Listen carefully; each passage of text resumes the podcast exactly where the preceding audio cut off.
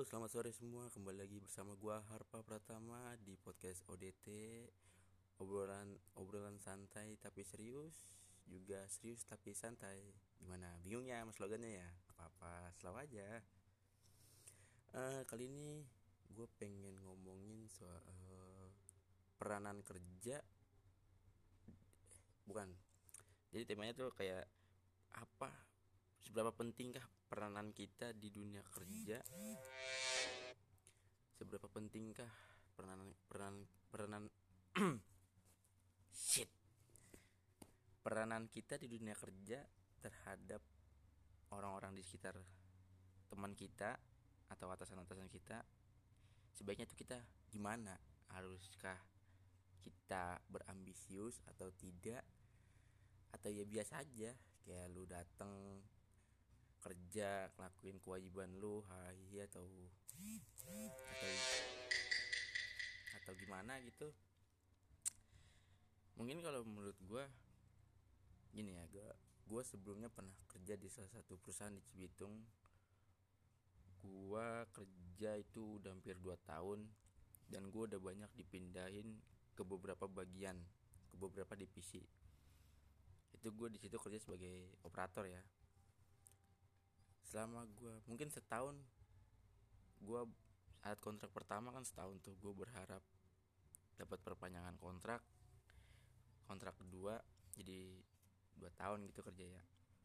Itu gue kerja bener-bener nggak mikirin teman gue dah. Artinya ketika temen gue ber berlaga bukan berlaga ya ketika temen gue kerjanya leha-leha sedikit santai gue tetap kerja gue harus gue harus harus bisa diperpanjang nih. Gue harus kerja bagus biar dilihat atasan bagus. Ternyata tapi gue nggak tahu penilaian mereka tuh gimana ya. Akhirnya kesampaian nih gue diperpanjang. Dan saat diperpanjang gue dapat grup itu isinya orang-orangnya buat gue asik gue gue sama mereka tuh have fun gitu kerja ya. Maksudnya nggak ada tekanan dari mereka tekanan batin atau tekanan apalah ya. Enak aja kerja sama mereka gitu santai. Cuman karena teman gua juga kerjanya santai juga gue jauh dari leader nggak terlalu diawasin jadi gue kayak kerja semuanya kita gitu. Di situ gue mikir kan gue kerja gini bagus apa enggak ya takutnya malah jadi jelek penilaian gue gitu. Ya udah. Karena di situ gue juga tetap masih mikir tapi gue kerja kayaknya ya udahlah gue ikutin alurnya aja dah. Itu ya. Nggak lama ada penurunan penurunan orderan lah kasarnya. Gue dipindahin terus gue kerja di situ kayak udah rada males gitu. Ketika gue udah merasa enak dengan partner gue yang kemarin terus gue dipindahin ke bagian yang baru otomatis gue harus memulai dengan orang yang baru memulai interaksi dengan orang baru. Ya udah akhirnya dari situ mau nggak mau gue harus jalanin kan. Dari situ gue pindah lagi. Di situ tuh gue di bagian itu gue nggak lama sekitar tiga bulan. Itu udah kontrak kedua ya terus dari situ gue pindah lagi memulai dengan hal yang sama. Perkenalan pendekatan secara emosional secara batin. Gimana caranya biar gue nggak tertekan di situ? Karena gue emang udah nggak nggak pengen banget gitu dipindah ke situ. Tempat kerjanya juga lumayan panas lah ya. Gue berpikir di situ gue bakal capek nih. Ternyata ya se se nggak terlalu capek-capek juga sih ketika sudah dijalanin. Akhirnya dari situ gue udah nggak terlalu berharap lagi nih. Gue bakal diangkat jadi karyawan tetap atau enggak kayak ya udahlah gue di, diangkat jadi karyawan tetap. Syukur enggak juga nggak apa-apa. Gue berpikiran seperti itu. Udah lambat tahun berjalan berjalannya waktu akhirnya gue sampai kepada tanggal gue habis kontrak. Di situ HRD sama uh, manajer bukan manajer ya leader. Ya bisa dibilang supervisor lah. Yang eh ya supervisor. Di situ mereka bilang mohon maaf kamu tidak bisa lanjut di sini dikarenakan ada sesuatu hal yang tidak bisa tidak bisa dikatakan. Mungkin kasar gitu ya gue lupa kata-katanya. Pokoknya gue intinya putus kontrak ya udah di situ gue cukup cukup sedih cukup sedih cukup kesel karena gue berpikir gini. Gue di situ sudah pindah ke berbagai divisi otomatis gue udah bisa dong. Secara secara keseluruhan gue kerja di situ. Gue tahu cara kerjanya gue tahu apa yang harus dikerjain secara logika gue nih ya gue berpikir tuh semua bagian udah gue cobain harusnya harusnya peluang gue untuk jadi karyawan tetap tuh gede karena gue udah tahu seluk beluknya tahu kerjaannya gitu. Tapi di satu sisi gue pikir apa yang salah dari gue ini? Apa yang salah dari gue kenapa gue tidak bisa dilanjutkan bekerja di sini? Sampai dari situ gue pamitan ke teman-teman yang kebetulan lagi shift 2 ya udah gue di situ nah nangis karena dua tahun juga bukan waktu yang sebentar buat gue terus juga gue udah kenal orang-orang yang enak buat gue hebat yang care yang yang baik-baik dah pokoknya. Emang berat mau tinggalin itu semua. Udah akhirnya gue nyari kerja lagi dan kebetulan gue dapat kerja itu selang dua minggu dari habis kontrak dapat di salah satu perusahaan di Jakarta. Gue kerja di situ awalnya awal karena gue dapat bocoran di situ jam kerjanya tuh kalau masuk pagi jam 5 pagi tuh udah masuk. Awalnya gue nggak mau di situ. Karena menurut gue terlalu pagi buat buat melakukan aktivitas dan dan bangun bangun tidur itu terlalu pagi buat gue cuman karena dukungan keluarga ya udah daripada nganggur yang kelamaan udah terima aja. Kalau emang gak betah coba dulu setahun itu kata mamah mamah gue kata nyokap gue coba dulu setahun kalau emang gak betah ya udah keluar aja. Ya udah akhirnya gue ke situ coba kerja. Awalnya gue masuk situ berpikir ah kayaknya gue nggak betah nih kerja gini juga capek nih. Itu di bagian gudang gue ya. Sering bongkar muat bongkar muat. Ah kayaknya capek nih. Tapi gue tetap ya udahlah gue jalanin dulu gue coba dulu setahun.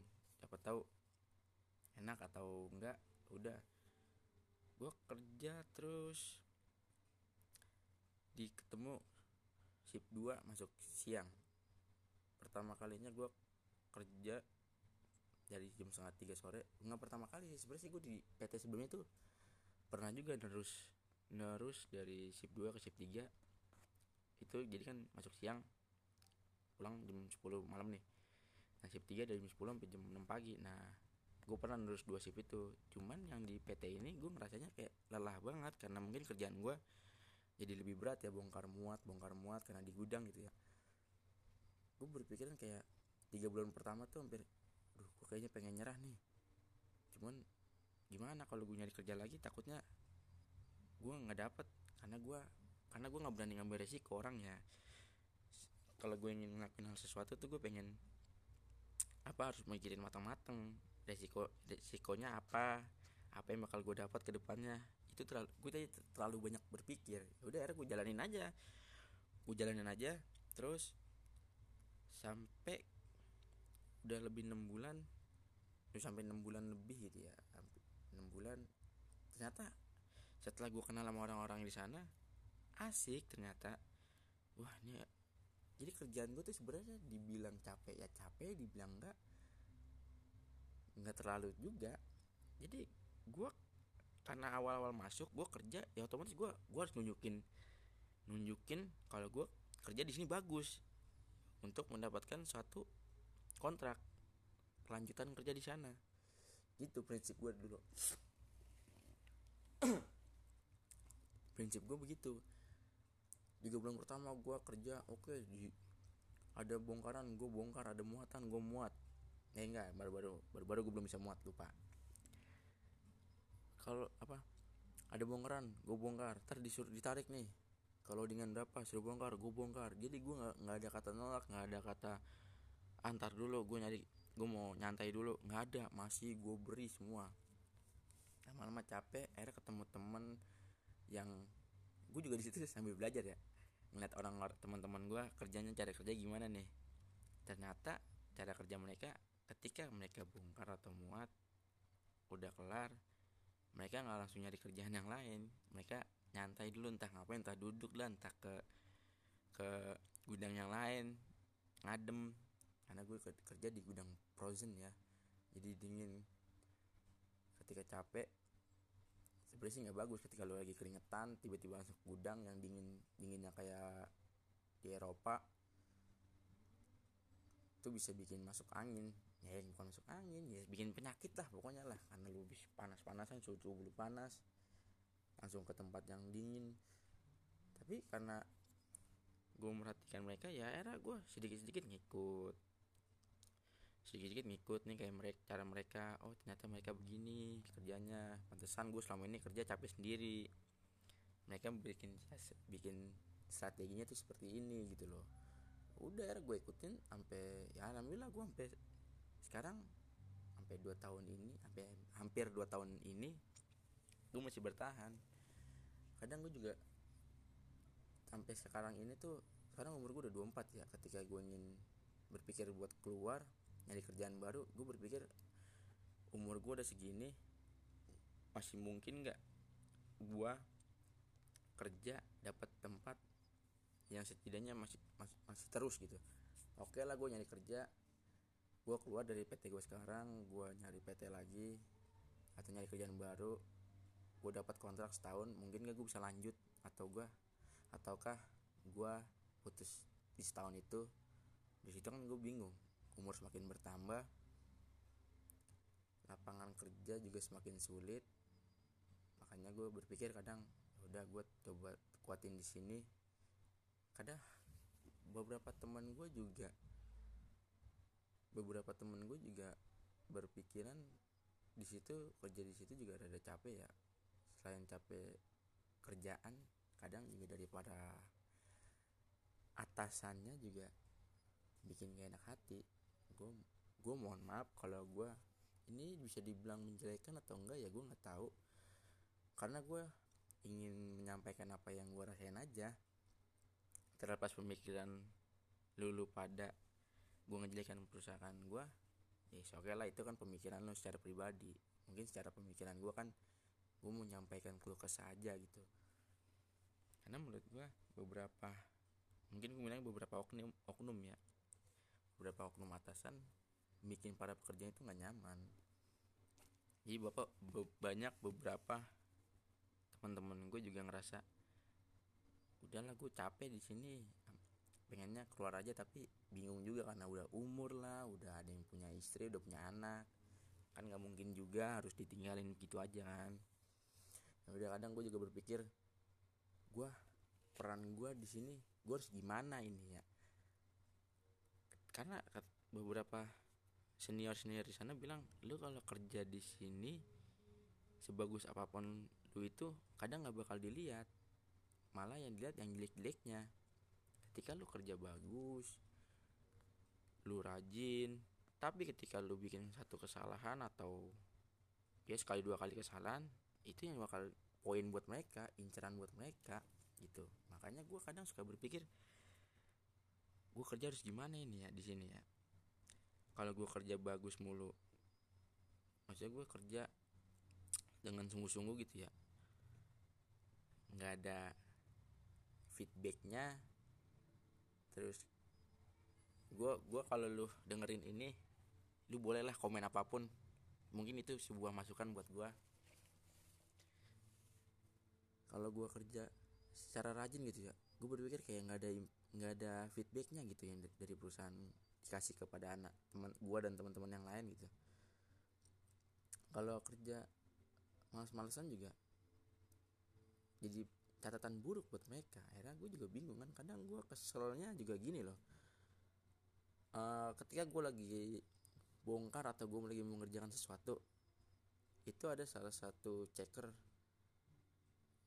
kalau gue di tempat gue checker itu disebutnya staff ya gue jadi mungkin beberapa perusahaan kan kalau staff kan kayak jabatan yang tinggi. Di gue mah sekedar hampir sama sama gue sekedar tukang ngecek tukang bikin form gitu-gitu.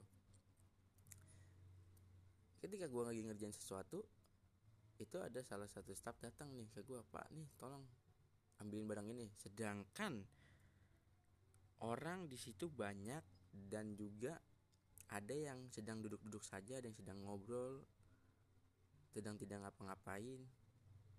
Dalam hati gue tuh bertanya kenapa harus gue gitu. Sedangkan orang banyak di situ kenapa kenapa dia milih gue gue nggak ngerti gitu ya. Apakah menurut dia gue orangnya ya gampang disuruh atau ya emang gue kadang-kadang juga gampang disuruh sih. Maksud gue tuh lu tau lah. Maksud gue tuh dia tau lah gue sedang ngerjain sesuatu seharusnya lu bisa menempat menempatkan diri lu uh, bukan menempatkan ya seharusnya lu tahu kalau ada orang yang lagi ngerjain sesuatu ya lu jangan nyuruh dia coba aja nyari yang lain dulu ketika emang orang lain udah nggak ada yang bisa disuruh baru lu bisa nyuruh gua gitu.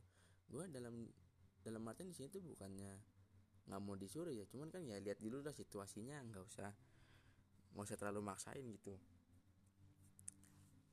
orang banyak. Gue satu sip kan juga ah, namanya gudang ya ada hampir 40 lah 40 lebih. Kasih gue sebanyak itu kenapa harus gue gitu ya?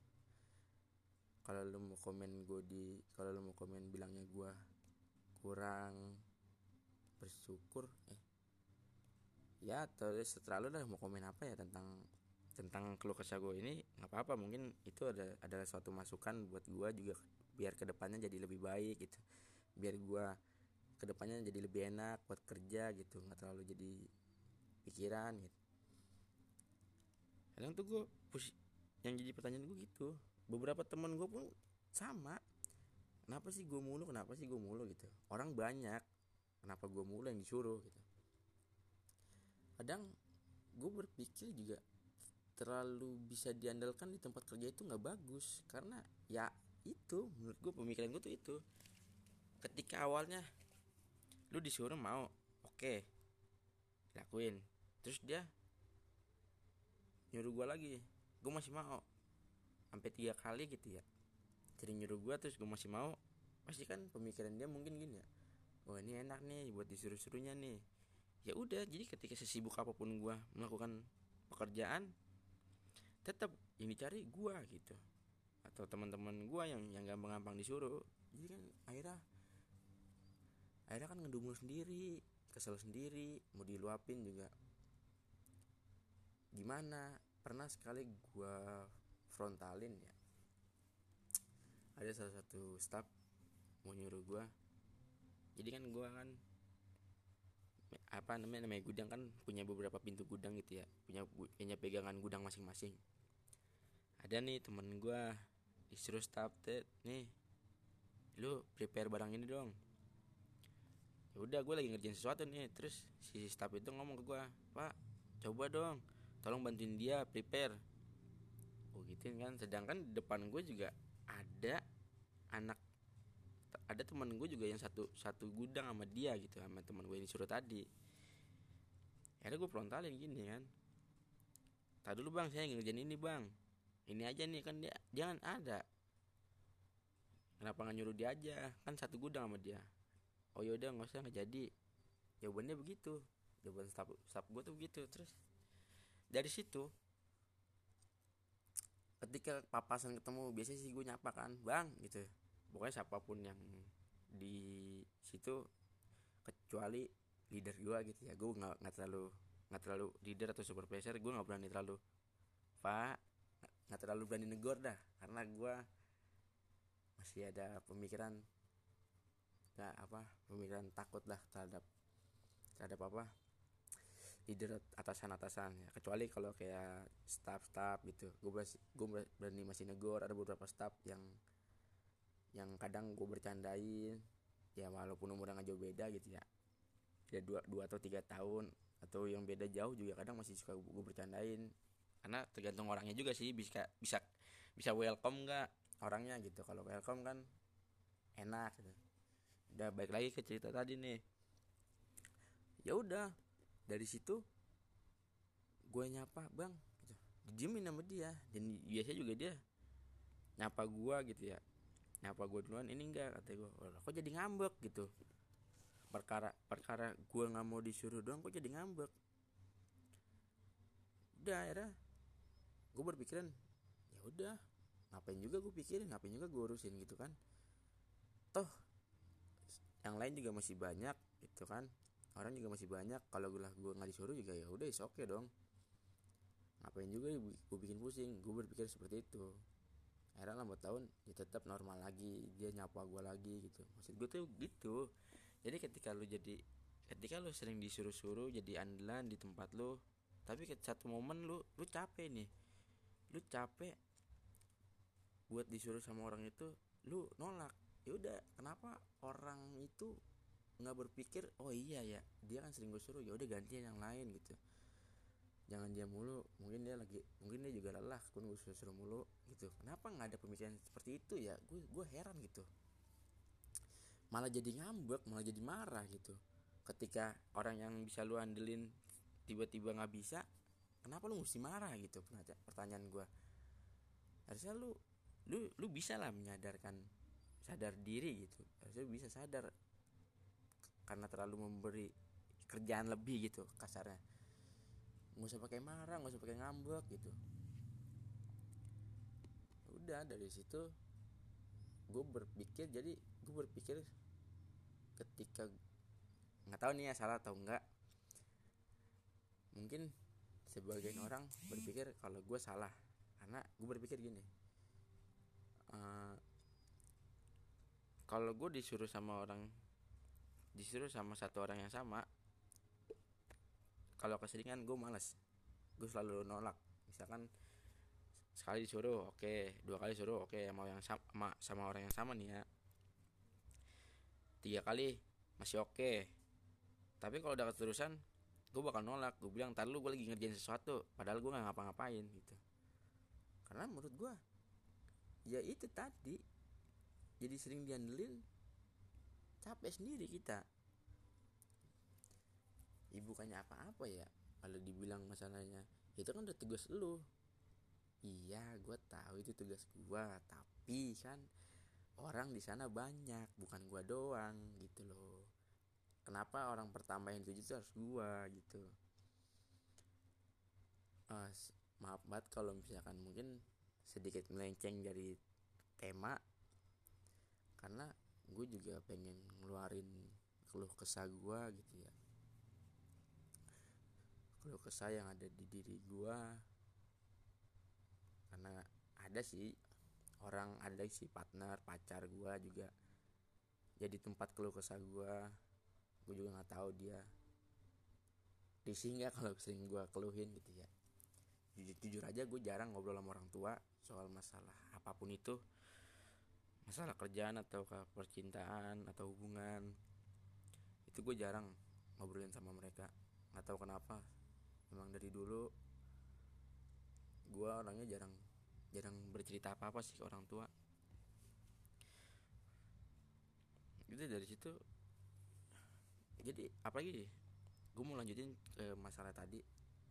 Apalagi kalau misalkan Desember tuh kan ada misalnya dari perusahaan tuh ada uang bonus lah buat karyawan-karyawannya ya. Ketika sudah memasuki bulan yang belakangnya ber dari September sampai Desember nggak tahu kenapa akhirnya jadi gue bongkar kejelekan di tempat gue ya. Ya udahlah nggak apa-apa lah. Daripada gue tahan sendiri-sendiri penting lu nggak tahu nih kan perusahaannya di mana. Gue cuma ngomong perusahaan di Jakarta. Jakarta kan luas. Slow aja. Hahai nah ketika udah masukin bulan ber September sampai Desember nih gue nggak tahu kenapa beberapa atasan itu suka mencari-cari kesalahan karyawannya. Bukan bos ya ada bos yang punya perusahaannya tapi bukan dia gitu. Ya itu bawa-bawahan bos. Kenapa mereka sekecil apa pun kesalahan tuh sampai dicari gitu. Gue nggak ngerti. Entah dia ingin cari muka ke bos gua atau ingin nyari nilai lebih di mata bos. Sama aja nyari muka ya. Sama aja nyari muka berarti ya. Ya agar mereka dapat apresiasi yang lebih gitu. Gue bingung kenapa gitu. Akhirnya kan dari dari situ gue berpikir kok gue kerja ketika udah bulan ini rasanya beda gitu. Kayak kayak selalu diawasin banget. Sedangkan dari bulan Januari sampai Agustus itu kayak lenggang pengawasan gitu. Kenapa di bulan di September Oktober November Desember 4 bulan terakhir terakhir tahun itu kenapa lebih intens gitu? Pengawasannya dari atasan gua. Gua nggak ngerti gitu pernah juga ada ah gua kadang berpikir gini. Kita bener nggak sih kalau kerja untuk cari cari muka untuk keamanan kita? Gue nggak tahu benar apa enggak ya. Mungkin mungkin kalau ngomongin ini enaknya sih berdua. Nggak bisa sendiri karena kalau sendiri dari pemikiran gue aja. Kerja cari muka atau jadi penjilat itu kalau menurut gue sih kurang bagus ya. Tapi ada beberapa orang yang bilang ke gue kalau lu mau jadi penjilat atau jadi cari muka dengan cara kalau bisa lu jangan jat, jatuhin orang. Ah beda deh penjilat sama cari muka. Kalau cari muka tuh ya udah lu kerja depan bos baik depan bos baik tapi di belakang bos atau di belakang atasan atasan lo lo kerja biasa aja gitu. Bedanya dengan penjilat ya lu dicari sampai ke akar akarnya gitu. Agar orang itu bisa ngejatuhin lu dan dia bisa naik jabatan atau jadi bagus di mata bos. Ya emang keras juga sih dunia kerja. Makanya kadang pertanyaan gue itu sebenarnya bagus gak sih kalau kita kerja kayak gitu cari muka depan bos ketika depan bos atau atasan kita kerja bagus tapi di belakang kita kerja biasa aja gitu. Jadi mungkin mungkin next time nih next time gue bakal ngomongin masalah ini antara penjilat dan cari muka itu bagus atau enggak di kehidupan kita atau di dunia kerja. Mungkin ntar gue bakal ngomongin ini sama partner gue ya udah mungkin segini aja podcast dari gue di sore ini uh, pesannya ya. Mungkin gue berpesan buat lulu pada yang pada kerja. Gini pesan gue ya, kerja kerja semampu lo kerja sekuat lo jangan terlalu diporsir. Ingat ketika lu sakit atau lu meninggal perusahaan mah nggak bakal peduli. Ya ya kasarnya tuh kasarnya tuh nggak bakal peduli. Ya lu mati sakit siapa yang mau siapa yang mau nanggung? Kita sendiri kan bukan perusahaan. Kalau kita meninggal perusahaan tinggal cari yang baru. Kalau kita sakit berkepanjangan perusahaan juga angkat tangan. Kita yang berjibaku sendiri kan kasarnya gitu. Gue mau cuman pesan gue tuh itu aja. Ya udah kita kerja semampunya kita kerja sekuatnya. Jangan terlalu diporsir jaga kesehatan jaga kondisi. Oke? Itu aja dari gue selamat sore dadah